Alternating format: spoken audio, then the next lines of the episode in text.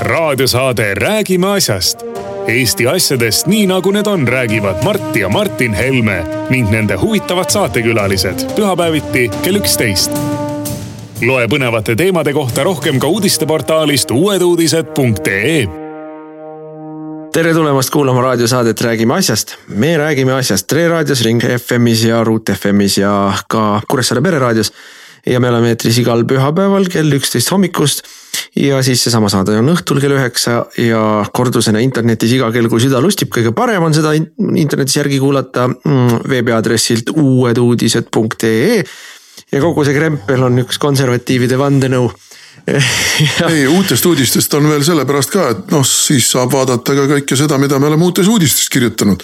ja seal on väga palju, suures osas just nimelt niisugust materjali, mida peavoolumeediast ei leia ja mis peavoolumeedias esitatud paljastab ja hoopiski teisest vaatevinklist äh, avab. nagu te aru saite, on stuudios jälle Mart Helme ja mina olen Martin Helme ja kuna meie raadiosaate kohta on paaril korral mulle öeldud, et te olete nagu Eesti-Ameerika hääl siis alustame, alustame seekord erandlikult äh, välisuudisega USA-ga. muidu jääb see jälle vaeslapse otsa ja lõpus peame vuristama kiiresti ja Ameerika sisepoliitiline olukord on äh, äärmiselt mitmekesine ja mitmetahuline ja loomulikult meie jaoks murettekitav lisaks sellele räägime siis meie maasikavõitlustes on lavale astunud või lahingusse astunud uus võitmatu jõud, presidendi ameti eest palka saav poliit happening'i korraldaja. presidendi ameti eest lisapalka saav. jah, kõrvaltasu saav Euroopa Liidu kõrval. Euroopa palgaline. jah, Euroopa Liidu kõrval, kõrvaltasu saav tegelane käis tegemas äh, poliitilist klouni. Äh, siis me räägime Euroopa Liidu ikka jätkuvalt sellest Euroopa Liidu taaste ja päästepaketist mille.... ja, aga noh, see on nii põhimõtteline asi, et sellest peab rääkima. sest noh, ärme ruttame ette, aga noh, see, mis ikkagi peavoolumeediast tuleb, sellega ju inimestel lihtsalt aetakse silmade eest kirjuks mingite tohutute miljardite lubamisega, aga noh, ütleme ikkagi nüüd kokkuvõtvalt, et tasuta lõunaid ei ole. Ja sinna jõuame. Ja ma arvan, et nende teemadega me oleme praktiliselt saate umbe ka rääkinud. aga lähme siis kõigepealt Ameerika juurde, noh ähm, meil Mm, jõuame uuesti korrata üle seda, mida me oleme siin korduvalt rääkinud, et Eesti peavoolumeediast Ameerika asjade kohta mingisugustki ligilähedast äh, adekvaatset infot saada on praktiliselt võimatu, ma soovitan kõigil lugeda kas uutest uudistest või ka Objektiivist, kus selle kohta on päris palju materjali. Mm, kõik see, mida meile siin serveeritakse, on noh, parimal juhul lootusetult äh, kallutatud äh, demokraatliku partei jutupunktide selline noh, ma ei tea, kohalikus kastmes serveerimine. aga, aga halvimal juhul ikkagi totaalne poliitaktivism. et antud juhul ma eraldi tooks välja ka meie nii-öelda vana sõbra Mariann Rohemägi esines äh, nädala alguses äh, siis Aktuaalses Kaameras ja oli ennast siis ehtinud seal Antifa sümboolikaga ja maskidega. no tuleb öelda, et Antifa on põhimõtteliselt terroristlik organisatsioon, vasakäärmuslik terroristlik organisatsioon. ja seda, et äh, Rohemägi oma noh, noh täiesti tä,, täiesti sassis pea, peas sassis olevate arusaamadega kujutab ette, et ta saab ennast niimoodi ehtida ja samal ajal on ajakirjanik ja raporteerib uudist. noh, noh, ütleme noh, küürakat parandab haud või noh, lootusetu juhtum, aga seda, et kusagil oli päevatoimetaja, kes selle klipi läbi lasi ja kusagil on toimetaja, toimetuse juht, kes selle klipi läbi lasi ja kusagil on selle ERR-i juhtkond, kes selle klipi noh, on lasknud juhtuda, et niisugused klipid üldse läbivad kogu selle sõela.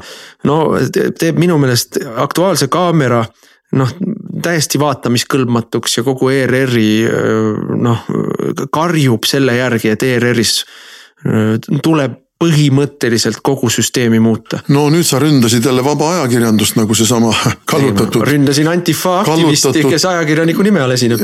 ja ma ütleksin, et ka ikkagi põhimõtteliselt punaliberaalne meedia seda, seda nimetab. aga tõepoolest isegi CNN-i, mida nimetatakse Communist News Network tõlkes, isegi CNN-i reporterid ei lange selleni, et nad, loomulikult nad kiidavad neid märatsejaid, neid lõhkujaid, neid rüüstajaid, nii nagu punastel ikka kombeks. vaat punaseid iseloomustab ju see ja tänapäeva liberaalid on punased. iseloomustab see, et nemad tahavad kogu aeg revolutsiooni ja, ja, ja kuna rüüstamine ja revolutsioon käivad kahe käsikäes nende meelest, siis rüüstamine on hea. teatud tingimustel rüüstamine on mõistetav, hea ja isegi inimohvrid, tapmised, kui need on valel poolel loomulikult, siis see on aktsepteeritav hind, mida, mida võib maksta. kui äh, surma saanud vigastatud on valel poolel ehk siis liberaalsel punasel antifa märatseval poolel, siis on tegemist loomulikult terroriga, siis on tegemist rassismiga, siis on tegemist jumal teab mis kur, kuritegude. ei no antud juhul, antud juhul selle George Floydi näol on tegemist kasuliku märtriga kasuliku märtriga, kelle surma oli võimalik rakendada, noh, ma arvan, et see, siin ei ole ju mingit kahtlust, kui me vaatame, mis, mis toimub. oli võimalik rakendada juba pikemalt planeeritud ütleme siis revolutsioonilise rahutuse esilekutsumise ettekäändeks. no ärme seda revolutsiooniks nimetame, nad ise nimetavad seda revolutsiooniks, tegelikult on see pronksiööde analoog, absoluutselt adekvaatne analoog. see on, see on pööbli märatsemine, pööbli ja vasakpoolse ja liberaalse, isegi koorekihi võiks öelda märatsemine, sest et selles märatsemises on osalenud ka küllaltki väljapaistvate demokraatlike poliitikute pereliikmeid.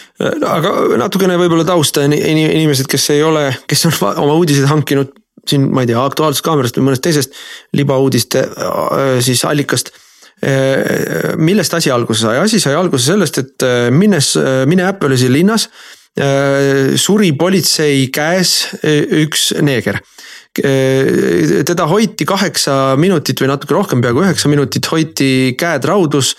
politsei siis põlv kukla peal vastu maad, ta kurtis mitu korda, et ta ei saa hinna, hingata ja ta suri ära veelgi rohkem tausta, Minneapolise linn on paduvasakpoolne linn, seda juhivad juba aastaid väga radikaalsed vasakpoolsed demokraadid. Minneapolisi politsei allub otseselt, Ameerika süsteemis politsei asub, allub otseselt linna juht, juhtidele, poliitilisele vertikaalile on, on, on aastaid olnud probleeme selle politsei vägivallaga selles vasakpoolses linnas. sellesama politseiniku puhul oli, on, on pikk ajalugu, ütleme siis kaebustest ja võimu kuritarvitamistest. see kõik on, ütleme siis Minneapolisi linnavõimude äh, hingel või kätel ehk siis demokraatide poolel olev patt. ja hu huvitaval kombel on see muutunud kõik äh, Trumpi süüks okei okay., nüüd äh, võib, äh, Trump kusjuures oli üks esimesi, kes mõistis selle politsei vägivalla hukka, väga teravalt mõistis selle politsei vägivalla hukka.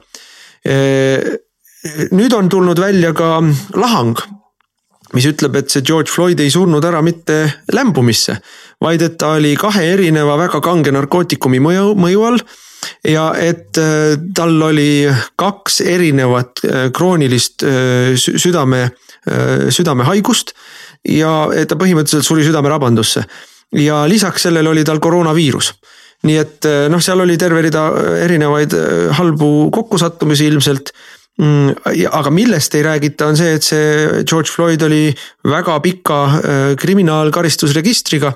Äh, võeti vahele ka äh, siis kriminaalse tegevuse pealt ja noh, siin erinevate infoallikate järgi oli kas vahetult ennem seda või mingil ajal ennem seda relvast ähvardanud rasedat naist, naist tänaval.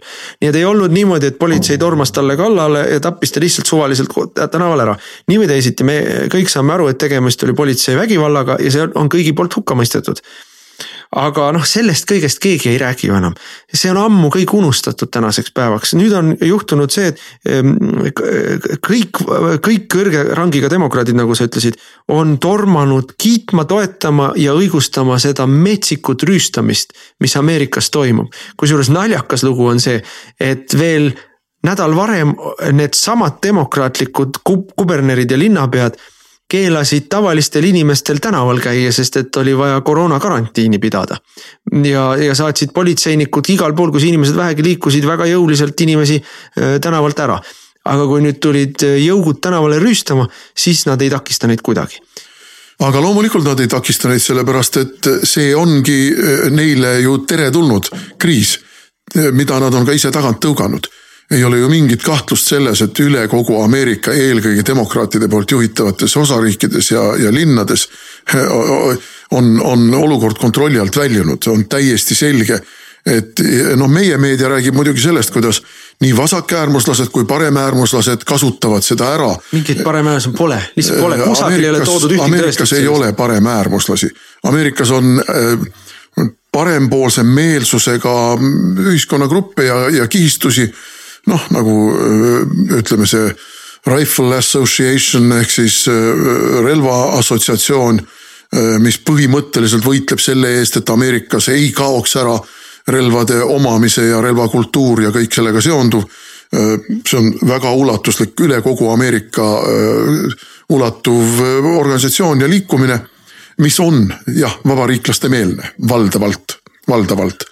Ja on kindlasti teistsugu-, teisi selliseid väga konservatiivseid liikumisi, ringkondi, aga rääkida mingisugusest paremäärmuslusest ja rääkida Ameerikas ka mingisugusest neonatslusest ja muust seesugusest, mida me võime näha mõningates Lollywoodi filmides.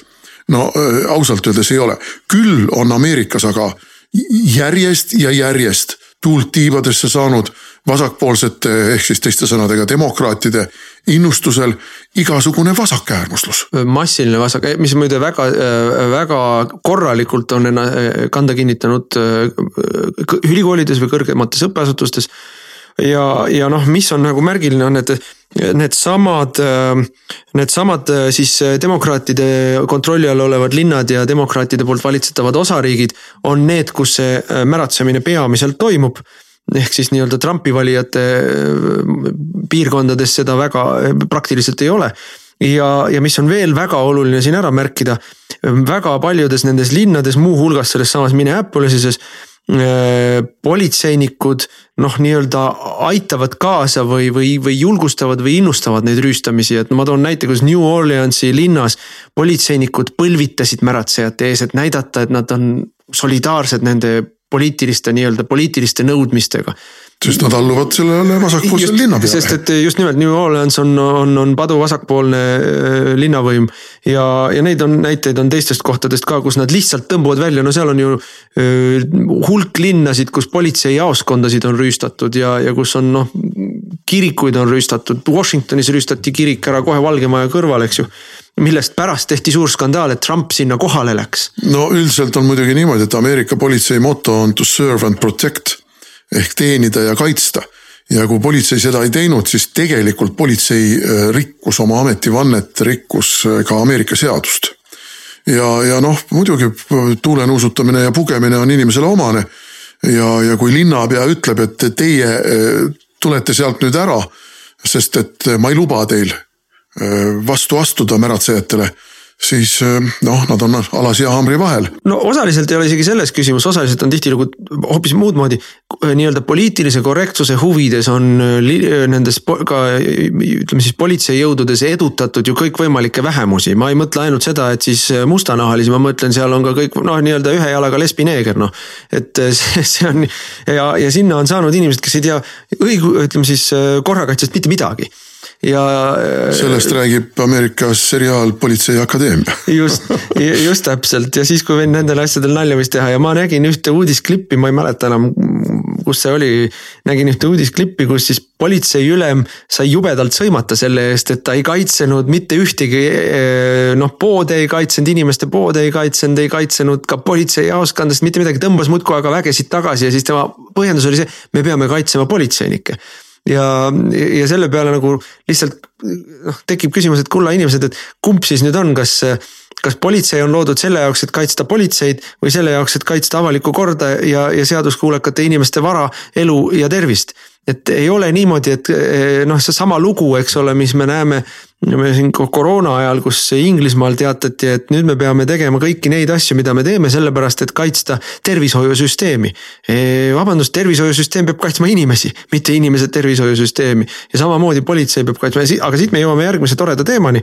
kuna on terve hulk osariike, terve hulk suuri linnu, kus põhimõtteliselt on võetud vastu poliitiline otsus, et nad ei takista rüüstamisi on Trump öelnud, et siis tuleb sinna saata kas äh, rahvuskaart või sõjavägi. no rahvuskaart siin-seal ongi väljas. ja rahvuskaart ja rahvuskaart selles mõttes sobib ja isegi sõjaväge on kasutatud Ameerikas küll ja küll. on natuke ekslik arvata, et Ameerika rahvuskaart on nagu meie mm, kaitseliit, ta on tegelikult hoopis, hoopis äh, äh, kuidas ma ütlen, ta on hoopis militaarsem ja ka hoopis samal ajal politseilisem kui meie kaitseliit ta ongi väga suurel määral treenitud, varustatud äh, koos politseiga äh, massirahutuste ja, ja, ja igasuguse nii-öelda siseriikliku vastupanu mahasurumiseks. aga on oluline point, äh, rahvuskaart on osariikide põhine ja kui osariigi kuberner ei palu rahvuskaarti kasutada, siis ei saa seda kasutada, küll aga saab kasutada sõjaväge. föderaalset sõjaväge saab kasutada ja selle jaoks on olemas Ameerikas seadus. ja näiteks äh, sedasama sõjaväge kasutati kuuekümnendatel lõunaosariikides selle jaoks, kus olid nii-öelda tõrksad, tõrksad äh, osariikide kubernerid, kes ei tahtnud lasta siis mustanahalisi segregeeritud koolidesse desegregeerimiseks ja saadetigi sõjavägi, pandi kooli uksele seisma, et väikesed neegrilapsed saaksid kooli minna. seda on tehtud Ameerikas nii poliitiliselt kui, kui ütleme siis korra tagamiseks siseriiklikult ka minu meelest üheksakümnendatel, kui olid seal mingid rassirahutused, nii et see ei ole mingisugune pretsedent. aga nüüd on tulnud välja kõik, kõik vasakpoolsed ja osad äh, tuulenuusutajatest parempoolsed, kes on loomulikult hakanud kohe ketrama narratiivi, et no näete, nüüd ongi diktatuur, nüüd ongi riigipööre ja seda ei tohi teha. no aga me kuulsime siin viimased kaks kuud, enne kui me eriolukorra lõpetasime kuidas Eestis on ka peaaegu diktatuur, kuidas näed, EKRE haarab võimu ja ja kui ma tegelen kriisireservi loomisega ja piirivalve taastamisega, siis on ka, Helme loob oma eraarmeed ja kohe-kohe tuleb diktatuur ja neid inimesi hakatakse kasutama siin meeleavaldajate vastu ja meeleavaldused keelatakse ära ja kogu seda jama on aetud meil siin ju ka nädalast nädalasse. siis sellist lollust on meil rääkinud isegi riigikogu kõnepuldist, kui ma õigesti suudan meenutada, sellised tegelased nagu Kaja Kallas, rääkimata mingitest sotsiaaldemokraatlikest ampelmannidest no vot, aga äh, tegelikult on vastupidi, et ähm, normaalsed inimesed Ameerikas janunevad korra taastamise järgi ja janunevad korra taastamise järgi ka nendes osariikides needsamad vasakpoolsed valijad, kes on endale valinud need põmbjad, poliitkorrektsed äh, kubernerid ja linnapead. E-, e-, ega noh, lõppkokkuvõttes, kui sinu elu ja varandus ja elu ja tervis äh, selle poliitkorrektsuse tõttu on ohus siis mingil hetkel hakkavad inimestel ikkagi alalhoiuinstinktid tööle ja äh, ei ole sugugi niimoodi, et nad oleks vastu selle korra taastamisele ja selle korra taastamisele jõu kasutamisele.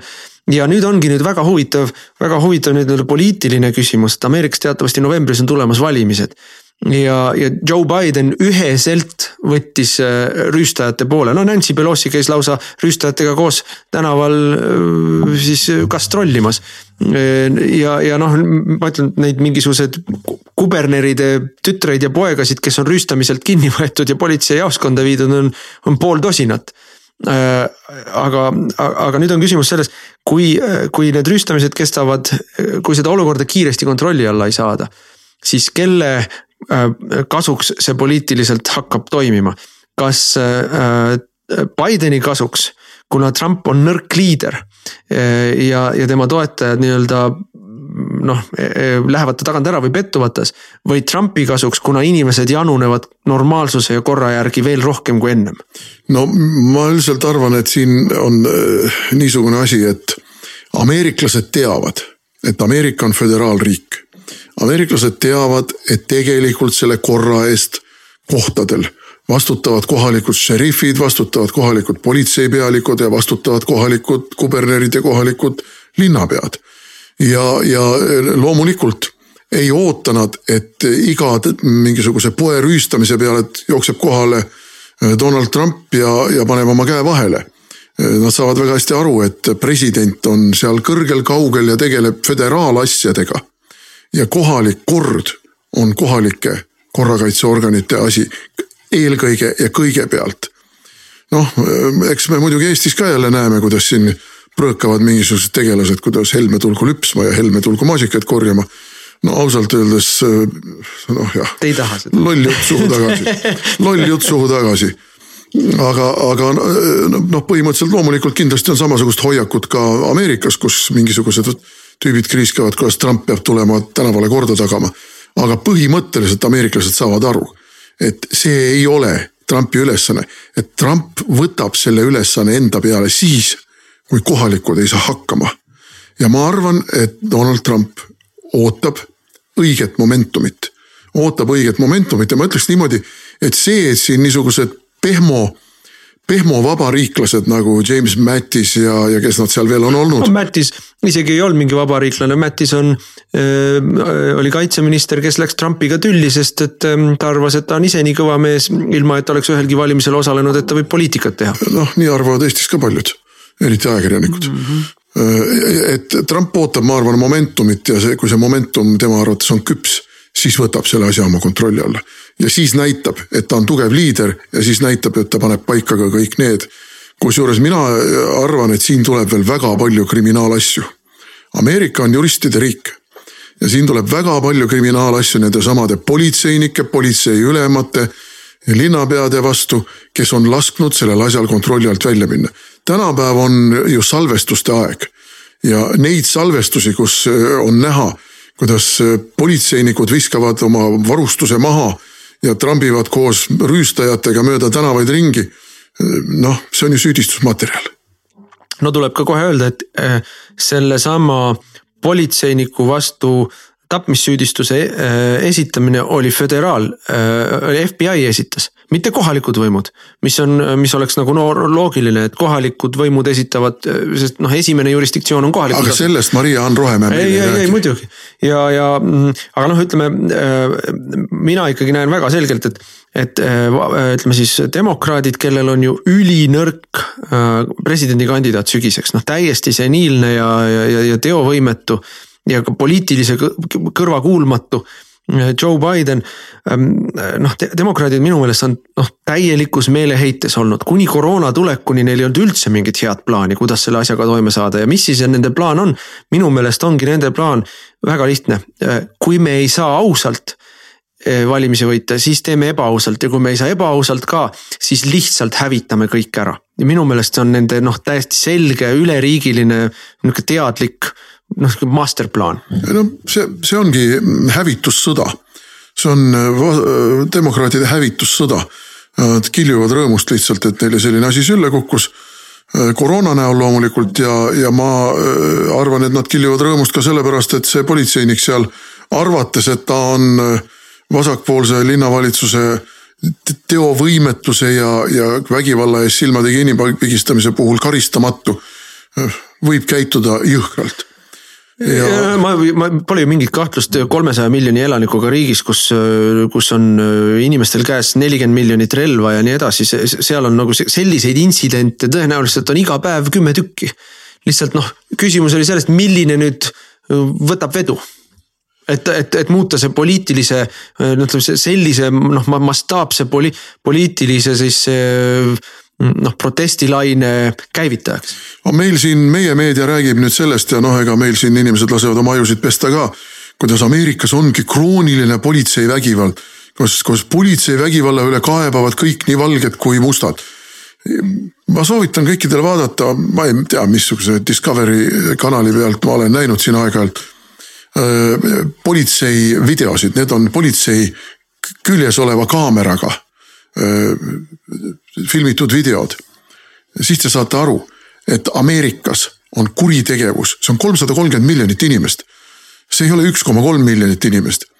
kolmsada kolmkümmend miljonit inimest ja nende hulka mahub ikka väga palju väga jõhkraid kurjategijaid. No, ja, ja need, need salvestused näitavad väga selgelt, kuidas politseinik peatab näiteks auto ja palub sellel autojuhil välja tulla, sest ta peab kontrollima tema joovet ja kõike muud ja selle peale haaratakse relv ja tema pihta hakatakse tulistama. loomulikult politseinikud on pidevas kaitsereaktsioonis, nad on pidevas stressis. Ja loomulikult, kui neile vastu hakatakse, ei hoia nad siidkindaid käes. Ja antud juhul see Floyd hakkas ju vastu.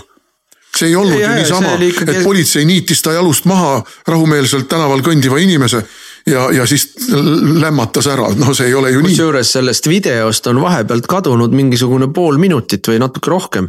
Et, et seda on küll filmitud, vahepeal siis midagi juhtub ja ei, ei filmita ja siis on näha, kuidas ta kägisedes seal. ma tahan siin öelda muidugi see. minu meelest on siin ajakirjanduslik võltsing on ka väga võimalik, nii nagu oli omal ajal Rodney Kingiga, kus ka näidati ainult seda peksmise osa.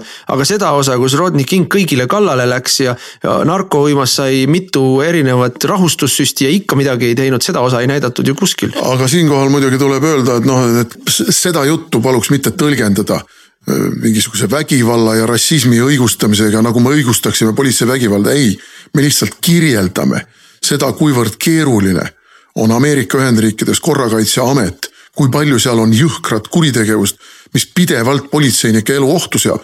ausalt öeldes oleks äh, Mariann Rohemäelt oodanud, et ta räägiks ka sellest, kui palju aastas hukkub teenistuskohuste täitmisel politseinikke ma peast ei ütle seda numbrit, aga see number on väga suur, hukkub, saab vigastada. Mingu FBI akadeemiasse, seal on terve sein. ja see sein ei ole mitte mingisugune kolm korda kaks meetrit, vaid see sein on seal võib-olla mingisugune kakskümmend korda neli meetrit, mis on täis äh, neid nimesid. FBI ja see on ainult FBI agentide nimesid kes on võitluses kuritegevusega hukkunud. ei no Ameerikas on sellest, meilgi Eestis mingisugused täiesti napakad inimesed korraldasid siis. Black Lives Matter on Ameerika eeskujul siis, et mustade elud ka loevad.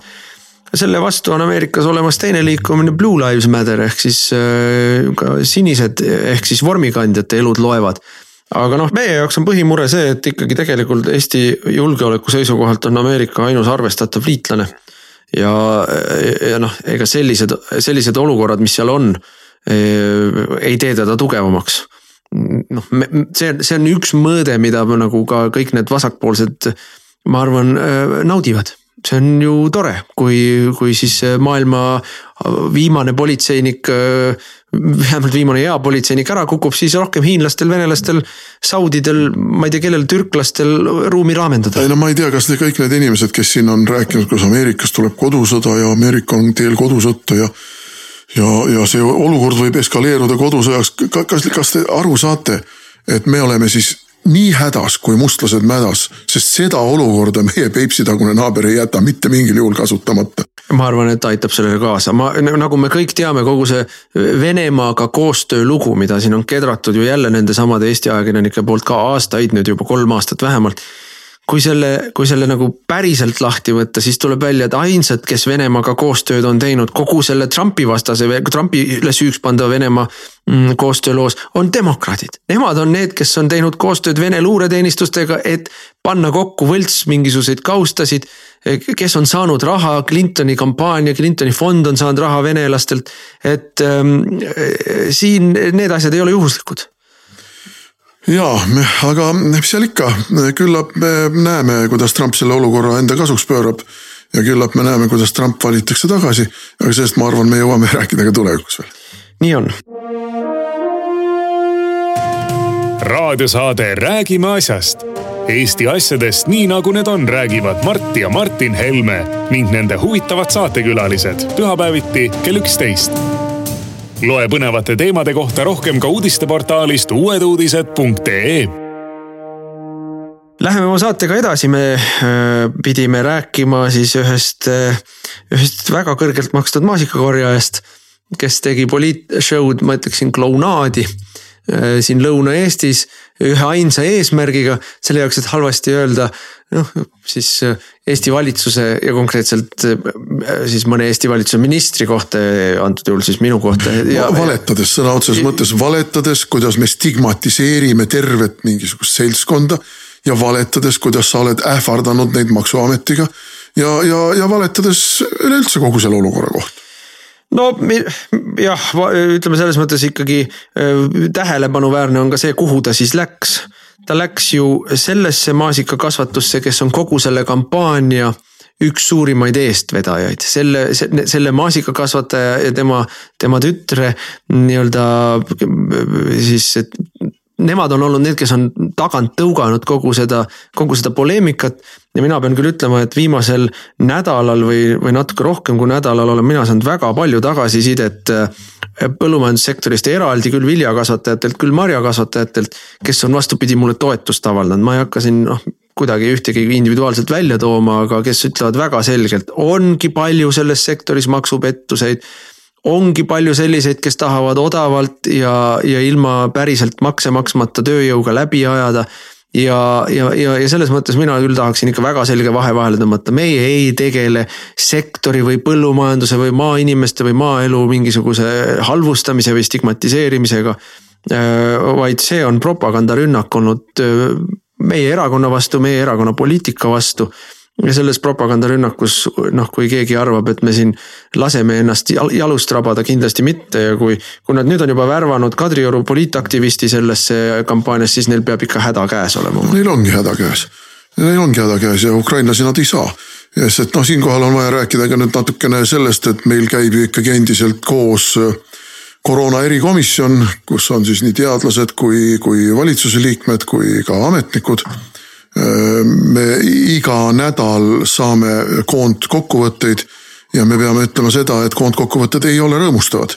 koondkokkuvõtted näitavad seda, et igal pool on piirangute leevendamine kaasa toonud noh, haiguspuhangust on palju rääkida, aga igatahes nakatumiste kasvu ja, ja me näeme ka seda. muide, Eesti et, on ka selle hulgas, meie kasv ei ole suur, aga noh, kasv on. no meil oli eelmisel nädalal neli ja pool protsenti või. no ütleme neli, neli jah, jah, ütleme siis saja tuhande elaniku ja, kohta siis. ja nüüd oli meil sel nädalal oli natuke üle kuue. nii et noh, kusagil peaaegu kaks protsenti on, on olnud tõusu. ja no Eesti on väike riik ja siin on inimesi vähe ja need numbrid hõlmavad muidugi marginaalset hulka inimesi. aga kui me räägime suurtest riikidest nagu Hiina kus on, on väga selgelt näha, kuidas on ikkagi tuhanded ja tuhanded inimesed on nakatunud, sest. massiline no, uus laine on. ja kui me räägime Venemaast, kus ei ole absoluutselt kontrolli alla saadud ja kui me räägime Ukrainast, sellest samast Ukrainast mis on nagu mingisugune tõotatud maa äkitselt mõningatele tüüpidele Eestis, siis seal ei ole ju ei tervishoiusüsteemi ega ka statistikat ja see on väga huvitav, näiteks nüüd Rootsi numbrid on läinud nädalast nädalasse õudsemaks et noh, see kogu see Rootsi eksperiment, mida meie, meie terviseameti Kadai on kiitnud, et rootslased tegid targalt ja õigesti ja kõik on hea, mis nad tegid, et, et ma ei saa aru, missugusel. ma ei, mis, mis aineid need inimesed tarbivad, kes sealt Rootsit jätkuvalt nagu kiidavad, et Rootsi mm, numbrid lähevad iga nädal halvemaks surmanumbrid lähevad kogu aeg suuremaks, nakatumise numbrid lähevad suuremaks, mis, mis omakorda tähendab, et sul on ju, see on täiesti seaduspärane asi. mida rohkem nakatumisi, seda rohkem äh, surmasid. sest et noh, need on protsentuaalselt seotud.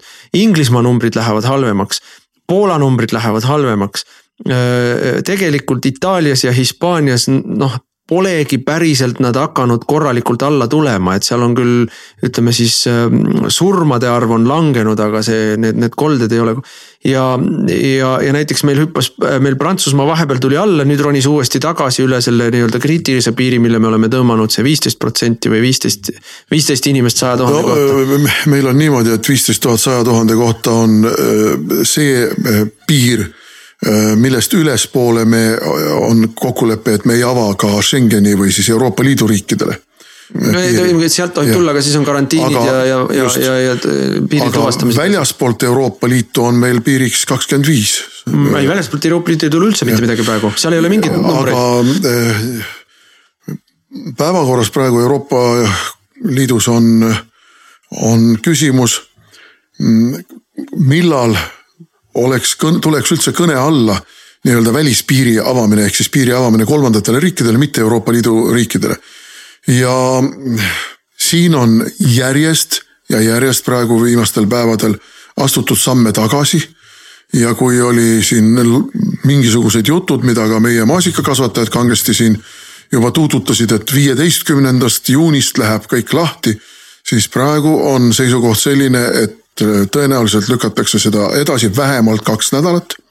aga võimalik, et ka veel rohkem no, ja no, ja no,. ta siin, ma tahan vahele ütelda, et äh, kaks asja tahan vahele öelda, et meie jaoks äh, välispiir eelkõige tähendab äh, noh, Venemaad, Valgevenet, Ukrainat, võib-olla mingeid selliseid mu, muule su, suuremale osale teisele ülejäänud Euroopale on see kas Põhja-Ameerika või Ladina-Ameerika, noh näiteks Hispaanial on väga tihe liiklus Ladina-Ameerika vahel, kus on praegu kõige halvem olukord maailmas üldse, eks ju Äh, Lõuna-Euroopa riikidele tähendab ka Aafrikat näiteks või Türgit või Lähis-Idat ja muide Iraanis on teine laine, mis on hullem kui esimene laine.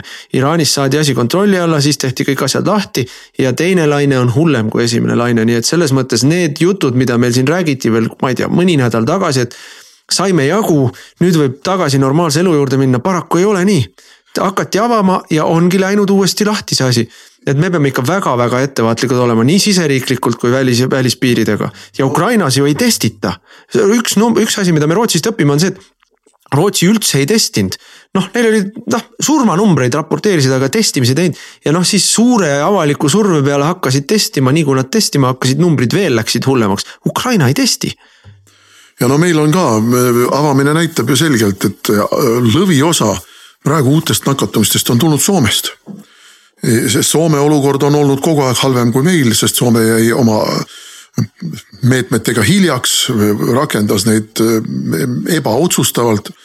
ja, ja kuna nüüd see pendelränne meil on alanud, siis eh, lõviosa uutest nakatumistest meile Eestisse on tulnud Soomest.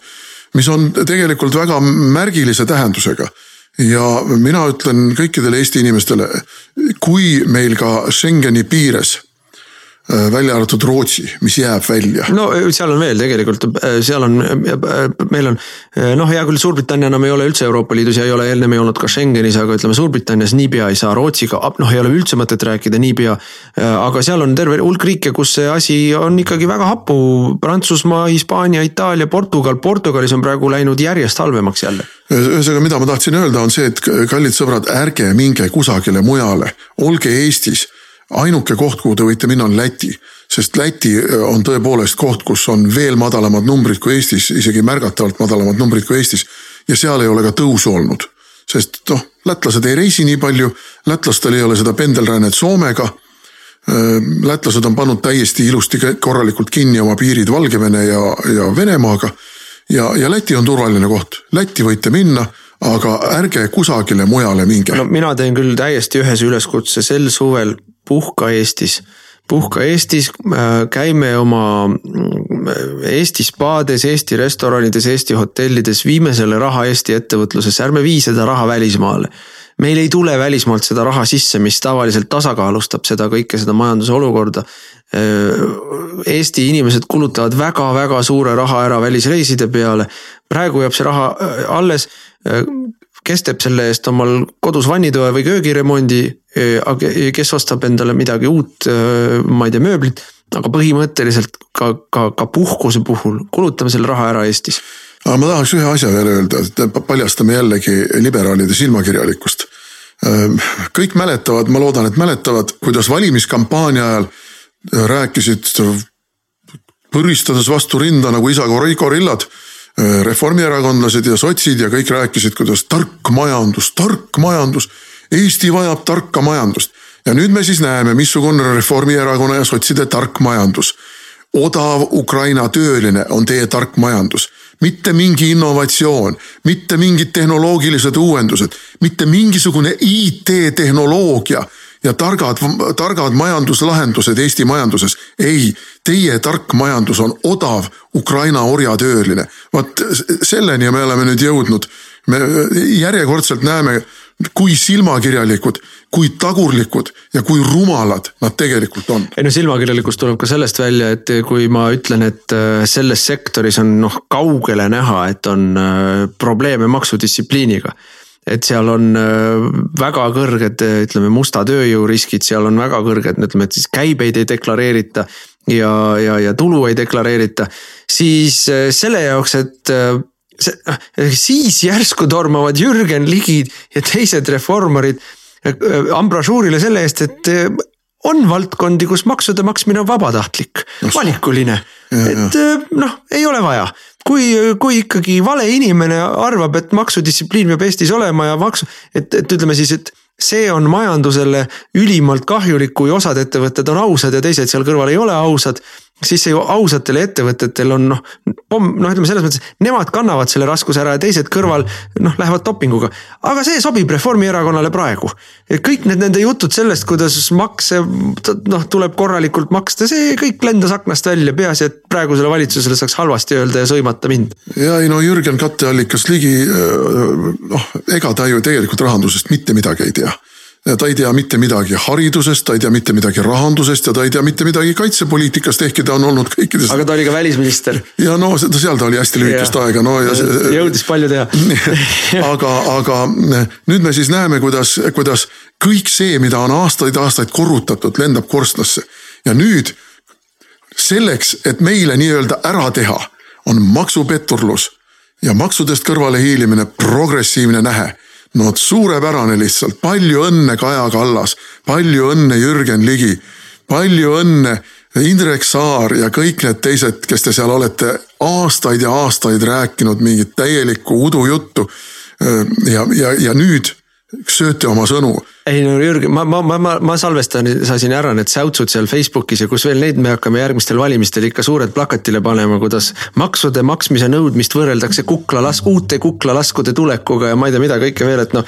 vähem seeni süüa ma paluksin, aga no. ei no nüüd me näeme üldse ka ju seda, seda nii-öelda EKRE retoorikat kas EKRE on kunagi kellegi kohta kirjutanud nii nagu lugupeetud rahvakirjanik Andrus Kivirähk oma ühes följetonis, kuidas ratas ei saa aru, mis asi see punane seal valge peal on ja kui ta siis lähemalt läheb, vaatab, siis on see maasikas Mart Helme tagumikus vot. ei no seda, noh seda nii-öelda puuksunaljad ja mis neil on, see, see on see sotside siis retooriline tase ja, ja ka intellektuaalne tase, ma ütleksin ausalt öeldes, noh, see sellised no ma isegi ei ütleks teise klassi, vaid ikkagi lasteaia, lasteaia retoorika, et noh kas, kas no nagu... see on tummfilmi naljatase, jalaga tagumikku löömine. aga, aga ausalt öeldes noh, muidugi naljakas ei ole, aga, aga tehke täis ennast ja jätkake see, ma tahan ühe veel teema ära markeerida kogu selle immigratsiooni lõppu, et meil oli, meil oli järjekordne väike, aga oluline võit sellel nädalal, kui me, riigikogu võttis vastu immigratsiooni. mis peavoolumeedia poolt täielikult maha immigratsiooni. ehkki me tegime ka siseministeeriumi poolt pressiteate aga see pressiteade kuidagi kadus ära. nii, millest me räägime, me räägime sellest, et me tegime muudatusi nii maksuseadustesse kui ka vist välismaalaste seadustesse.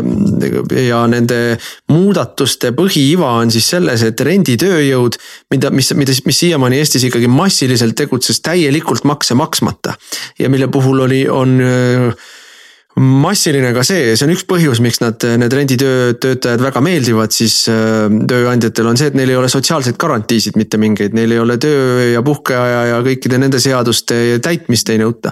et kõik need nõudmised tulevad nüüd ka renditööjõule, kui sul ongi renditöötaja, siis maksud peavad ikkagi makstud olema ja alla Eesti keskmise neile maksta ei tohigi ja see on nagu äh, ja, palju karmimaks tegev. ja kui nad jäävad siin hätta mingil põhjusel, no paljugi, mis võib olla terviserikke või siis äh, tema kojusõidu maksab kinni tööandja nii et äh, äh, see, see, see, see, see, maastik, kus me oleme, kust immigratsioon Eestisse sisse pressib, seal on neid auke õudselt palju. Ja neid auke me ükshaaval topime täis, see on üks neist aukudest, mis katab ära nii maksu poole kui ka ütleme siis äh, töötajate kuritarvitamise poole, sest et noh, ma ütlen veelkord, et väga paljudele tööandjatele meeldivad ukrainlased sellepärast, et nende puhul ei, ei ole vaja justkui täita, ütleme siis moodsa normaalse euroopaliku riigi töötaja kohtlemise reegleid aga ühe, nii et noh, see, aga me neid, neid auke järjest täidame. ja aga noh, meil on menetluses ka veel teine, mis puudutab äh, väga oluline seadus, mis puudutab õpirännet. ja kahjuks äh, me sellega enne riigikogu suvepuhkusele minekut ühele poole ei saa. aga ta on meil praegu juba valitsuskabinetis ja läheb ka valitsusse vastuvõtmisele või et siis juba edasi suunata riigikokku ja ma usun, et sügisel on see üks esimesi eelnõusid, mis läheb töösse. ja noh, ma ütleks ka nendele ülikoolidele, et kallikesed, ärge oodake neid üliõpilasi, ärge oodake neid üliõpilasi. koroona teeb oma korrektiivid ma... ja, ja meie seadusandlust teevad, seadusandlikud äh, algatused, mis vastu võetakse, teevad oma korrektuurid. kulla sõbrad, äh, kõik need, ma ei tea, lillemetsad või mis nende nimed on seal, maasikakasvatajad, te ei saa enam niimoodi orjatööjõudu pidada. see seadus, mille me sel nädalal vastu võtsime selle seaduse täitmine muidugi Jürgen Ligi ütleb, et ärge täitke seda seadust, see on rumal ja paha seadus. olge, ärge olge seaduskuulekad, et seadusi võetakse vastu küll, aga neid ei pea täitma, see on opositsioonis olev Jürgen Ligi, kes niimoodi kindlasti ütleb.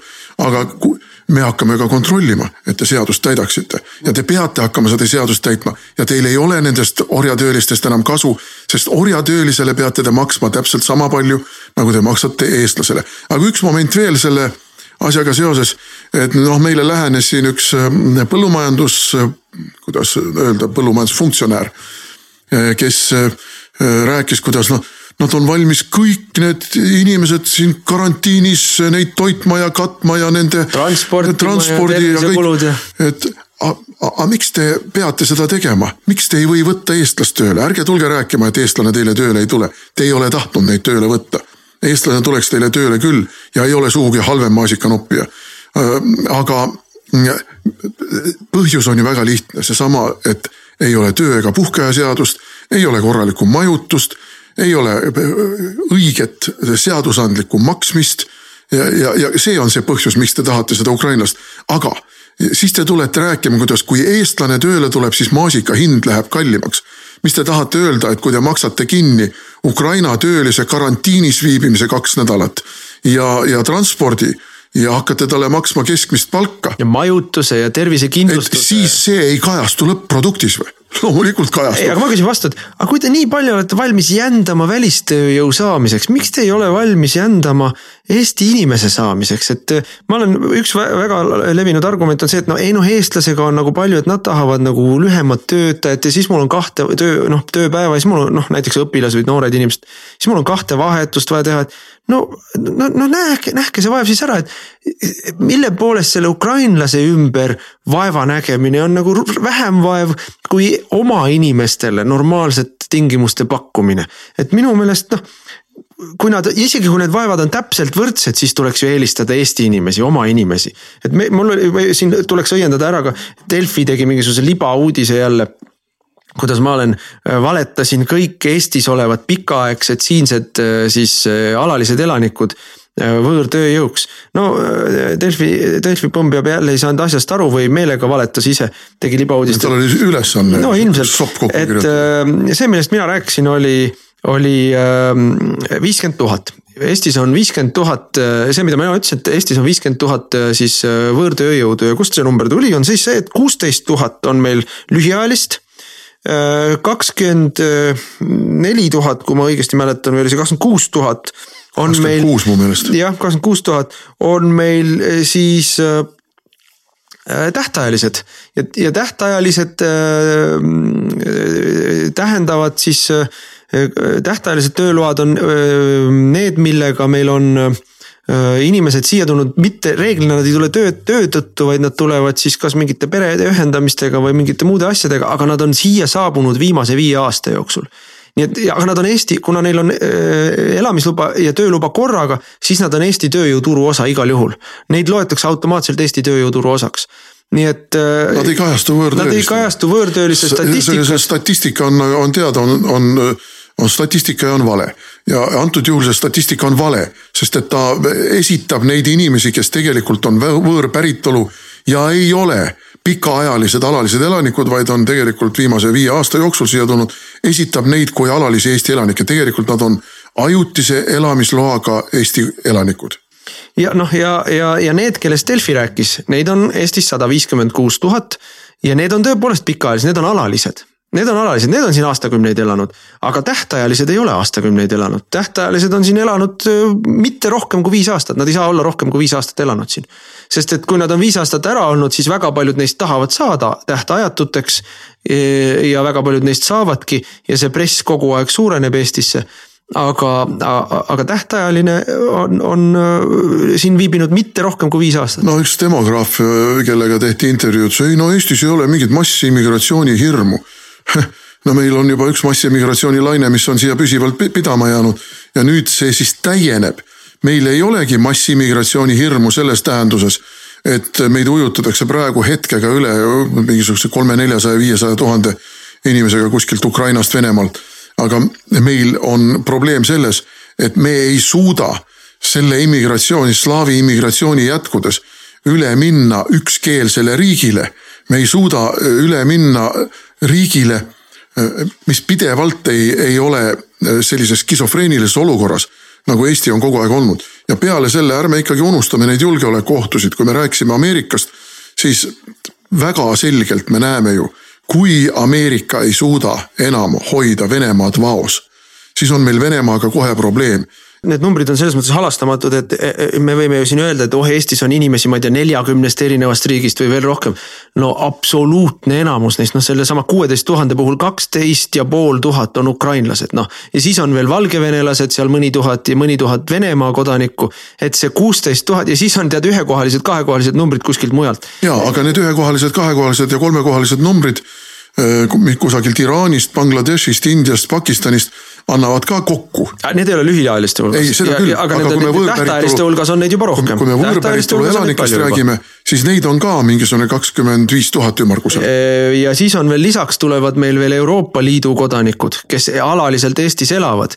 no seal on väga suur number, on soomlased, lätlased, eks ju, leedulased, naaberriikide inimesed, rootslased seal. ütleme soomlasi kõige rohkem seal seitse tuhat midagi, lätla-, aga, aga on, on ka itaallasi, on Suurbritanniast inimesi, et, et, selles mõttes kokku on Eestis koos nüüd nende pikaajaliste elamislubadega, kes on siis nõukogude ajast jäänud siia, eh, kokku on Eestis kakssada kolmkümmend tuhat inimest, kes ei ole Eesti kodanikud, kes on võõrpäritolu rahvastik, siia saabunud kas põlv, no ütleme mõne viimase aasta jooksul või viimase põlvkonna jooksul.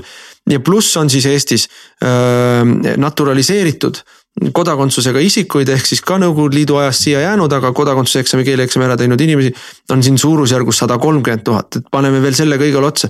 see on kõik see, kes ei noh, ütleme, on mitte-eestlased, võtame kokku sõnaga mitte-eestlased. Ja see on nii suur number juba no meie, meie arvu, eestlaste arvu arvestades. alla, alla, alla miljoni üheksasaja tuhande kandis juba, et see on nii suur number juba. et täiesti selgelt on äh, rahvusriik ohus ja täiesti selgelt on noh, meie keel, meie kultuur, meie tavapärane normaalne elu on ohus. ja, ja, ja, ja selle jutu taustal tulla rääkima, kuidas meil midagi muud üle ei jää, kui seda suurendada ja jätkata. no, noh, lihtsalt ei ole võimalik ju. ja, aga nüüd muidugi keegi vingatab seal, kuidas, te olete võimul, lõpetage ära siis, miks te ei tee midagi vaadake, sõbrad, see on eh, protsess, mis on pikaajaline. selle protsessi algatas teie poolt armastatud Reformierakond. ja, ja eh, noh, see kolmkümmend protsenti, kes meil väidetavalt Reformierakonda toetab. selle seltskonna poolt armastatud Reformierakond ja, ja meil on ja siis võeti vastu terve hulk seadusi või leevendati mingeid seadusi, muudeti seadusi, mis muutis selle uue immigratsioonilaine võimalikuks ja me võitleme selle vastu ja ega see ei ole nii lihtne. mina ütleksin kõigele lisaks, noh, see on täiesti õige loomulikult, et meil on, ütleme, riiki on kraavi veetud mitte kümme aastat või ja mitte isegi viisteist aastat, vaid veel kauem, et tahta, et me selle sealt soost ja kraavist korraga ühe aastaga välja veaksime, noh, see protsessi mõttes ei ole võimalik, aga me liigume vähemalt praegu täiesti selgelt õiges suunas. aga mis puudutab immigratsiooni, siis ma ütleksin niimoodi, et immigratsiooniprotsessid on ka suhteliselt pika vinnaga. aga on, on täiesti üheselt ja selgelt poliitikaga suunatavad, see ei ole niimoodi, et nad tulevad nagunii ja meil ei jää üle midagi ja, ja nii lähebki. see ei ole üldse niimoodi, et veel mõni aasta tagasi ju meil, kuni ei olnud avatud, ütleme, kuni ei olnud viisavabadust Ukrainaga ja kuni ei olnud Eestis tehtud veel tervet portsu ütleme siis äh, neid äh, tähtajalise või, või, või ka ajutise tööloa lõdvendusi ja leevendusi. oli Eestis ju rändesalvo, rändesaldo oli negatiivne. eestlasi läks rohkem välja, äh, kui kuskilt sisse tuli inimesi ja, ja, ja selle tõttu rahvaarv vähenes. nagu kõik me oleme kursis, eks ju, viimastel aastatel on uhkusega raporteeritud, Eesti rahvaarv kasvab. jah, kasvab, aga mitte eestlaste võrra, mis tähendab seda, et tegelikult Eesti rahvaarv kasvab selle hinnaga, et eestlaste osa osakaal rahvastikus väheneb ja seda on võimalik muuta poliitikaga. kui me teeme seadused ümber ja neid seaduseid korralikult rangelt jõustame siis me saame selle trendi muuta, kusjuures eestlased on hakanud välismaalt ju tagasi pöörduma Eestisse rohkem, kui läheb välja. no sisserändest trend... umbes poole moodustavad tagasipöörduvad eestlased. jah, et selles mõttes see trend on pöördunud ja mida hullemaks muutub maailma majanduskriis ja see majanduskriis läheb järjest hullemaks, seda kindlamini tulevad inimesed tagasi nii Soomest kui Norrast kui Suurbritanniast, sest et seal ei ole enam nii häid tööpakkumisi ja nii, nii korralikku palka võrreldes Eestiga. lihtsalt need võimalused seal ahenevad kogu aeg. aga ma juhiks jälle ühele äh, reformierakondlasele tähelepanu nimega Urmas Paet kes mõned aastad tagasi enne, enne Krimmi annekteerimist oli tuline viisavabaduse pooldaja Venemaaga. Tuline viisavabaduse Marko Mihkelson, teine Venemaaga. sama Marko Mihkelson rõivased ja kõik, kes nad siis rääkisid, kui tore asi on viisavabadus Venemaaga, kuidas me sellega Venemaa integreerime Euroopasse. kuidas meil Venemaa oht kaob siis ära ja ma ei tea, mis kõik, no muinasjutte täiesti sõge jutt. no, noh, räägiti seda, mis tol hetkel oli poliitiliselt korrektne, oli vaja pugeda aga ma tuletan ka seda meelde. aga jah, kujutame nüüd ette, Ukrainas on ümmarguselt nelikümmend miljonit inimest ja nad ähvardavad meid ära lämmatada oma sisserändega. Venemaal on sada nelikümmend miljonit inimest, sada nelikümmend miljonit inimest. Läti lõunapiiril, õigemini kagupiiril on öö, Valgevene, kus on peaaegu kümme miljonit inimest. paneme need numbrid kokku, see on peaaegu kakssada miljonit inimest. kui meil nende kõigiga oleks viisavabadus, issand jumal, vot. ei no siis ei oleks midagi enam järel, siis oleks noh, see kõik, mille vastu me võitlesime kaheksakümnendate lõpul lauludega Peatage Lasnamäe ja, ja, ja, ja, ja, ja ole üksi, üksi, ükski maa. noh, põhimõtteliselt kustutame tule ära ja kogu lugu selle riigiga siin, mitte lihtsalt rahvusriigiga, vaid ka riigiga. sest et ega siis inimesed toovad ju oma kultuuri kaasa. Ukraina on läbi kukkunud riik sellepärast, et see on nende inimestega on, ongi selline riik tekkinud. Venemaa on korrumpeerunud maffiariik sellepärast, et ta on Venemaa, see, see on vene inimeste arusaamine riigist on selline. ja, ja, ja kui nad siia tulevad massiliselt ja, ja meie ütleme siis riigis hakkavad noh, ütleme siis poliitikat niimoodi mõjutama, et see muutubki peavooluks, siis selline riigikultuur on ka Eesti Vabariigis. Ja selles mõttes sellega me, ma ei saa noh, no- no, viimse veretilgani võitlen sellega noh, viimse veretilgani. noorem, nooremad inimesed ei mäleta, sina mäletad. sina olid siis juba kaelakandja. missugune oli Eesti üheksakümnendate aastate algul? kui siin oli mm, peaaegu kaks korda rohkem äh, võõrpäritolu rahvastikku, no või kolmandiku võrra rohkem. see maffia märatsemine, mis siin toimus, see, see kuritegevus, see röövimine, see Nõukogude pärandi laiali tassimine, riisumine see laga, ja selle eestvedajaks olid kõik need, ma ei tea, tosin kuritegelikku kriminaalset grupeeringut, mis olid sisuliselt Venemaa suurte kriminaalsete grupeeringute harukontorid Eestis ja teistes Balti riikides. missuguse vaevaga on õnnestunud sellest jagu saada kusagil üheksakümnendate aastate lõpul, kahe tuhandete aastate algul. mingisugused jäänused sellest on tänasel päeval veel olemas. Ja kui se- sealt tuleks uus laine peale ja sealt tuleb praegu uus laine peale. kas keegi arvab, mida, mida me näeme, kes on Eestis kõige arvukamalt esitatud, esindatud prostitutsiooniäris? ukrainlannad, täpselt jah. ukrainlannad. see on inimkaubandus muide, see on inimkaubandus, ega nad siia ei tule päris vabalt, ma tahan ühe väikese asja, meil kohe-kohe saab aeg otsa ja Euroopa Liidu seitsmesaja viiekümnest miljardist ei jõudnud üldse rääkida, aga küll me jõuame et äh, sellesama viisavabadusega Venemaaga tuletan ka meelde, et kaks korda vähemalt viimase paari aasta jooksul on Reformierakond ja sotsiaaldemokraadid esitanud seaduseelnõu, mis lubaks Eestis topeltkodakondsust. sel nädalal Venemaa seadustas topeltkodakondsuse ja, ja äh, noh, sisuliselt üliagressiivselt või innukalt hakkab siis seda topeltkodakondsust äh, ka realiseerima nii palju, kui saab oma naaberriikides. et kui meie oleks omalt poolt tol korral sellele, selle jutuga kaasa läinud, et no mis, mis selles ikka halba on ja inimestel peab olema ju võimalus ja No ta on siin on üks sugulane ja seal on teisesugune.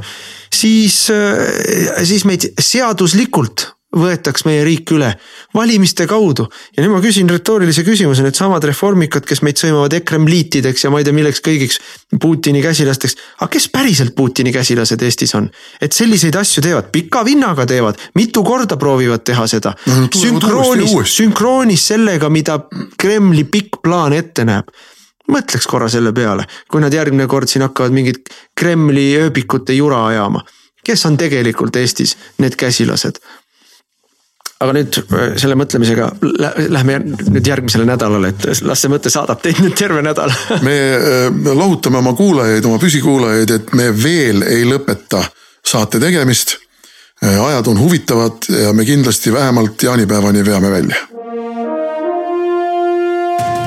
Te kuulasite raadiosaadet Räägime asjast. saate eest tasus Eesti Konservatiivne Rahvaerakond. järelkuulamine internetis treeraadio.ee ja uueduudised.ee